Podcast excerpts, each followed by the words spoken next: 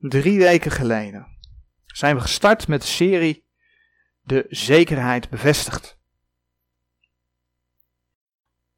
Uit de brieven aan de gemeente blijkt dat het boodschap van het evangelie der genade gods, dat dat een boodschap van zekerheid is.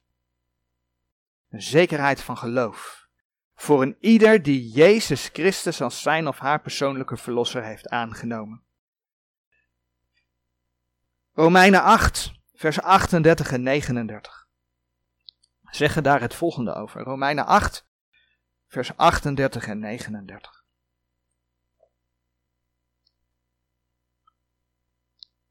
Want ik ben verzekerd. Mooi hè?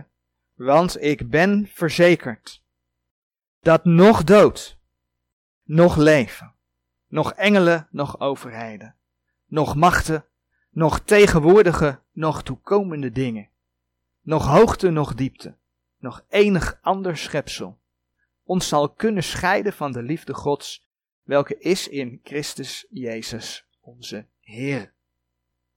Als je wederom geboren bent, dan mag je dat weten. Ja, en toch kom je dan soms versen tegen waardoor je denkt, maar hoe moet ik dit vers dan plaatsen? Versen waardoor er misschien toch een vorm van twijfel komt. Is het dan wel echt zo dat er zekerheid is? Is het misschien zus of misschien zo? Maar vaak is het een kwestie van ja, dat het elders anders verkondigd wordt. Dat dat vaak gehoord is. Waardoor je een vers automatisch op een bepaalde manier leest. Of een kwestie van geen rekening houden met de context, of het niet recht snijden van Gods woord, of het niet bewaren van Gods woord. Nou, de eerste tekst die we bekeken hebben, dat was Matthäus 5, vers 22. En we zagen bij dit vers dat het enerzijds van belang is om Gods woord recht te snijden, dat je geen dingen van de wet of het komende koninkrijk leerstellig op de gemeente gaat betrekken. En anderzijds dan zagen we dat het van belang is om Gods woord te bewaren. Nieuwe vertalingen halen er twee woordjes uit, waardoor er onzin staat, waardoor de Heer Jezus gelasterd wordt en waardoor er ook een onmogelijkheid ontstaat, ook voor de gemeente, als je dat op de gemeente zou betrekken. Voor iedereen overigens. Dus het is van belang om Gods woord recht te snijden. Het is van belang om Gods woord te bewaren. Vanmorgen willen we stilstaan bij twee versen uit een van de brieven aan de gemeente. En die twee versen die staan uh, op de dia 1 Korinthe 15, vers 1 en 2. En die versen gaan we eerst lezen. 1 Korinthe 15, vers 1 en 2. We lezen in die verse het volgende. Voorts, broeders, ik maak u bekend het evangelie dat ik u verkondigd heb, het welk gij ook aangenomen hebt, in het welk gij ook staat, door het welk gij ook zalig wordt, indien gij het behoudt op zodanige wijze als ik het u verkondigd heb, tenzij dan dat gij te vergeefs geloofd hebt. Staat hier nu echt dat je te vergeefs kunt geloven.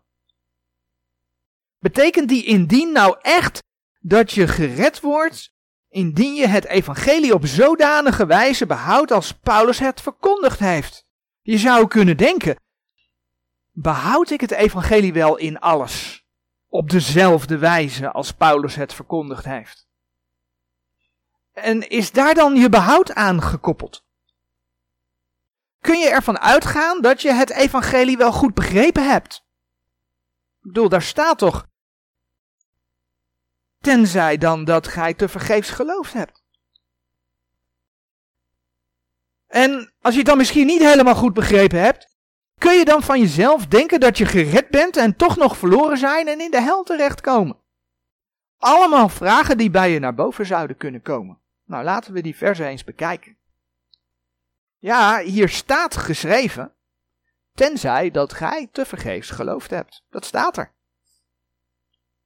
Dus het antwoord is ja, je kunt blijkbaar te vergeefs geloven. Maar de volgende vraag is, betekent dat ook, betekent dat ook, dat je te vergeefs een kind van God zou kunnen zijn? Betekent dat ook dat je te vergeefs wederom geboren zou kunnen zijn. Het punt is namelijk dat je in God kunt geloven zonder gered te zijn. Het punt is dat je in Jezus Christus kunt geloven zonder gered te zijn. Ik bedoel, laten we Jacobus 2 vers 19 opzoeken.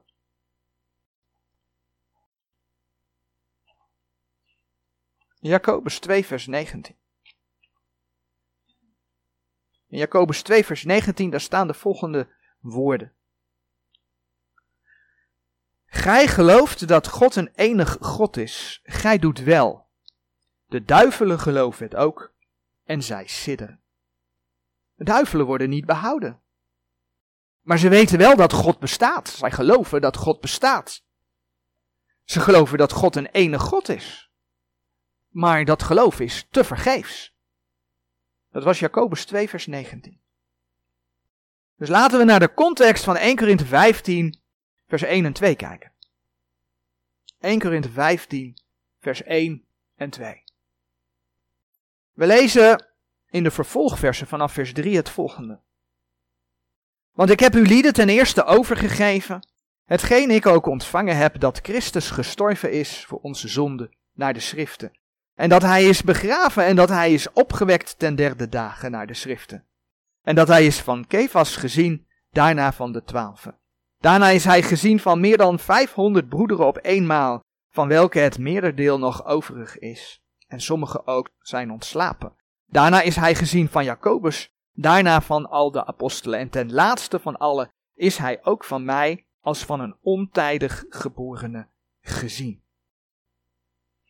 Dit gedeelte begint met want, hè, in vers 3. Want ik heb u lieden ten eerste overgegeven. Want. Het is dus een vervolg op vers 1 en 2. En het vertelt wat het evangelie der genade gods is. Namelijk dat je gelooft dat Jezus Christus voor jouw zonde gestorven, begraven en opgestaan is. Maar er staat twee keer iets bij. Daar staat twee keer bij naar de schriften naar de schriften. Het is klaarblijkelijk van belang dat het geloof naar de schriften is. Dat het gefundeerd is op Gods woord. En waarom is dat van belang? Ja, omdat er duivelen ook geloven dat er één God is. En omdat zij ook geloven dat Jezus Christus gestorven en opgestaan is.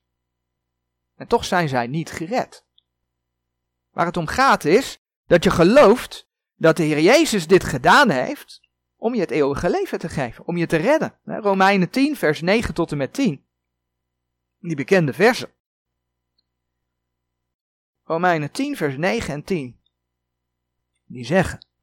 Want met het hart gelooft men ter rechtvaardigheid en met de mond beleidt men ter zaligheid. Want de schrift zegt, een iegelijk die in hem gelooft, die zal niet beschaamd worden. Dat was vers 11. Ik lees het nog even vanaf vers 9. Namelijk indien gij met uw mond zult beleiden de Heer Jezus en met uw hart geloven dat hem God uit de doden opgewekt heeft, zo zult gij zalig worden. Want met het hart gelooft men ter rechtvaardigheid en met de mond beleidt men ter zaligheid. Waar het om gaat is dat je gelooft dat het volbrachte werk van de Heer Jezus genoeg is om je te redden. Als je dat gelooft, staat er geschreven, zo zult gij zalig worden. Nou, we hebben het bij de besprekingen van de stromingen over het Rooms-Katholicisme. Trouwe Rooms-Katholieken beleiden dat Jezus Christus in het vlees gekomen is. Trouwe Rooms-Katholieken beleiden dat Jezus Christus gestorven is. En trouwe Rooms-Katholieken beleiden zelfs dat hij voor de zonde van de mensen gestorven is. Komt allemaal voor in de catechismus van de katholieke kerk. Maar zij beleiden niet dat zijn ene offer op Golgotha voldoende is om de mens voor God te rechtvaardigen. Daar hebben ze zelfs een vervloeking over uitgesproken. Dat hebben we allemaal gezien. Zij beleiden dat je sacramenten moet ondergaan om deel te hebben aan wat de Heer Jezus gedaan heeft. En een kans te hebben op behoud. En dat het offer van de Heer Jezus elke Eucharistieviering herhaald wordt en dan opnieuw verlossing bewerkstelligt. Met andere woorden, het Rooms-Katholieke geloof is niet naar de schrift. En zegt dat er meer nodig is. Dat brengt de mens bij goede werken. Je moet zelf iets doen, je moet zelf iets ondergaan om gered te worden. Ondanks dat zij in God en de Heer Jezus geloven, houden zij het evangelie niet als Paulus. Niet naar de schriften. En dus hebben zij te vergeefs geloofd. En dat komt overeen met wat Paulus in Galaten 1 vers 8 en 9 schrijft. Dat degene die een ander evangelie brengt, want dat is het. Het is evangelie van werken geworden. Dat degene die een ander evangelie brengt, vervloekt is. Lees het maar na in Galaten 1 vers 8 en 9. Dat zijn niet mijn woorden. Je ziet het ook in de context van 1 Korinthe 15. Blijkbaar waren er in de gemeente van Korinthe mensen die het evangelie der genade gods niet behielden zoals Paulus. Kijk maar in 1 Korinthe 15 vers 12. In 1 Korinthe 15 vers 12, daar staat het volgende geschreven. Indien u Christus gepredikt wordt dat hij uit de doden opgewekt is, hoe zeggen sommigen onder u dat er geen opstanding der doden is? Maar de opstanding der doden is de basis van het evangelie. Het is niet voor niets dat er in 2 Korinthe 11 vers 13, hè, dat is de tweede Korinthebrief, dat er gewaarschuwd wordt voor valse apostelen. Valse apostelen die bedrieglijke arbeiders zijn. Die zich, 2 Korinthe 11 vers 15, veranderen als waren zij dienaars der gerechtigheid. Met andere woorden, Korinthe kende valse leraren. Valse leraren die geen dienaars der gerechtigheid waren. Zij waren dienaars van Satan. Zij ontkenden onder andere de opstanding. Hun geloof was niet naar de schriften. Zij waren niet gered. En daarom schrijft Paulus dus in 1 Korinthe 15. Voortsbroeders, ik maak u bekend het evangelie dat ik u verkondigd heb, het welk gij ook aangenomen hebt, in het welk gij ook staat, door het welk gij ook zalig wordt, indien gij het behoudt op zodanige wijze als ik het u verkondigd heb, tenzij dan dat gij te vergeefs geloofd hebt. Zo betekent het indien gij het behoudt op zodanige wijze als ik het u verkondigd heb. Ook niet dat je elk woord van wat Paulus geschreven heeft zou moeten geloven om behouden te zijn. Ja, we moeten de, ik kom daar zo op terug. De hele schrift is voor ons nuttig tot lering. Maar voor je behoud is niet elk woord van belang. Van belang is dat je je hart aan de Heer Jezus hebt gegeven. We hebben zojuist gelezen dat het geloven met het hart van de dood, begrafenis en opstanding, Romeinen 10, van Jezus Christus voor je zonde. Zegt dan 1 Korinthe 15 weer. En dat je dat beleidt met je mond, dat dat je behoudt. Ik bedoel, Paulus heeft ook over de opname van de gemeente gesproken. 1 Thessalonicense 4 vers 13 tot en met 18. Maar het geloof in de opname behoud je niet. Echt niet. Iemand die Jezus Christus als persoonlijke verlosser heeft aangenomen, maar door zijn of haar kerk misleid is. Misleid is over de, ja, de opname van de gemeente. Die zal zelfs die zal behouden zijn, hè? omdat hij een kind van God is, omdat hij gelooft in het volbrachte werk van de Heer Jezus. En die zal dus zelfs opgenomen worden, want hij is deel van het lichaam van Christus.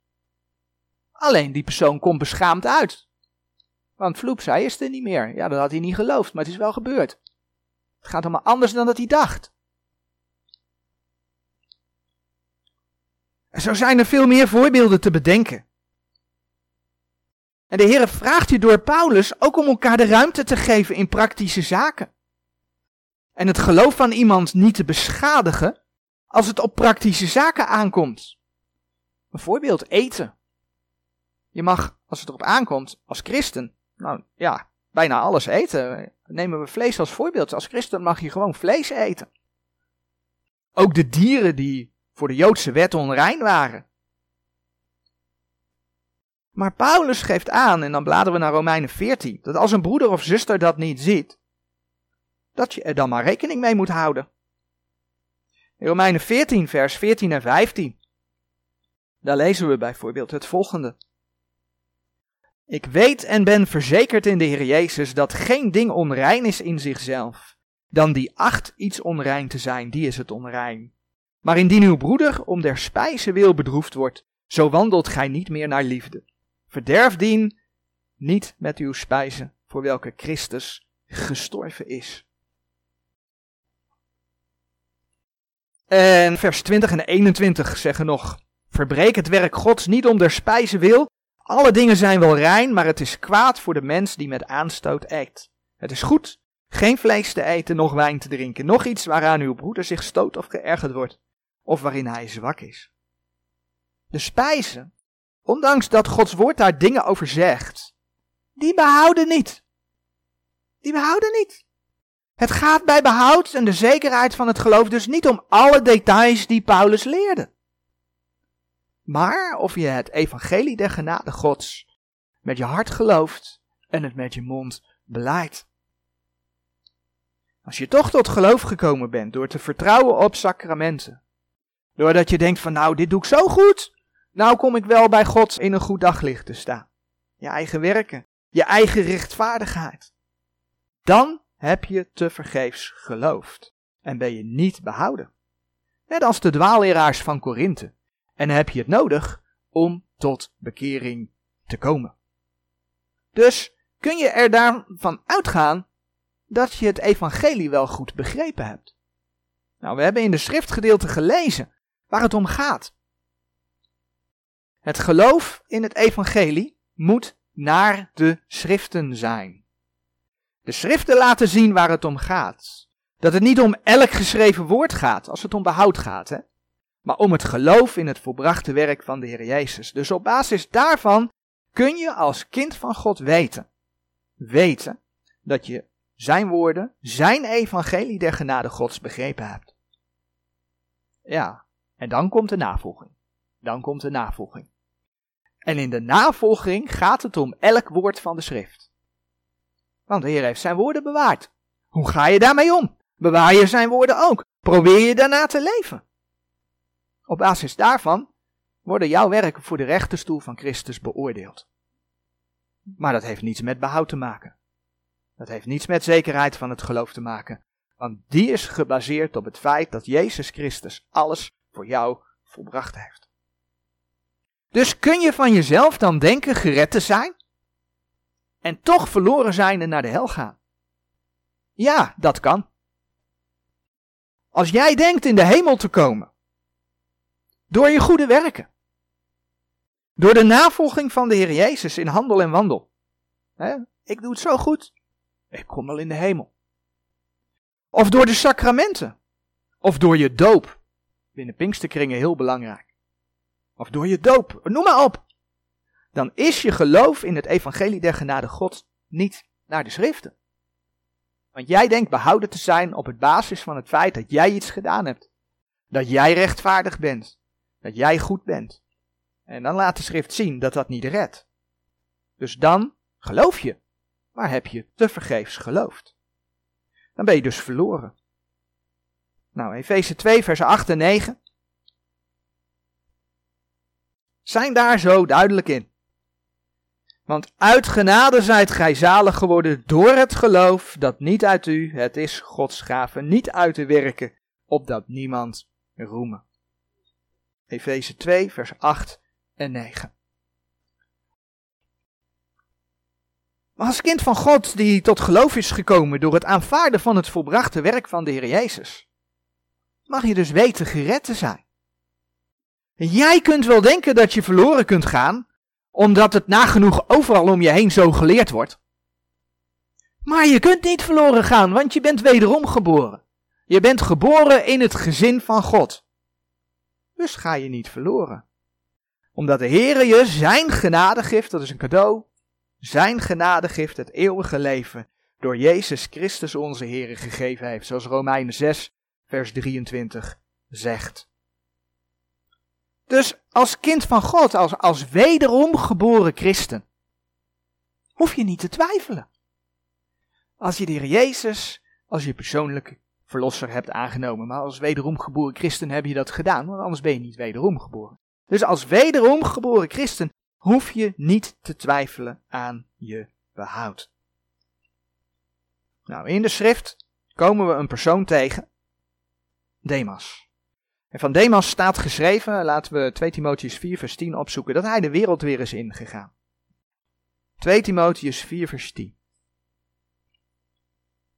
Demas kom je ook tegen in Filemon 1 vers 24 en zo is er nog een vers Verder vinden we niet heel veel over Demas geschreven, maar het belangrijke vers wat we van Demas moeten vinden is 2 Timotheus 4, vers 10.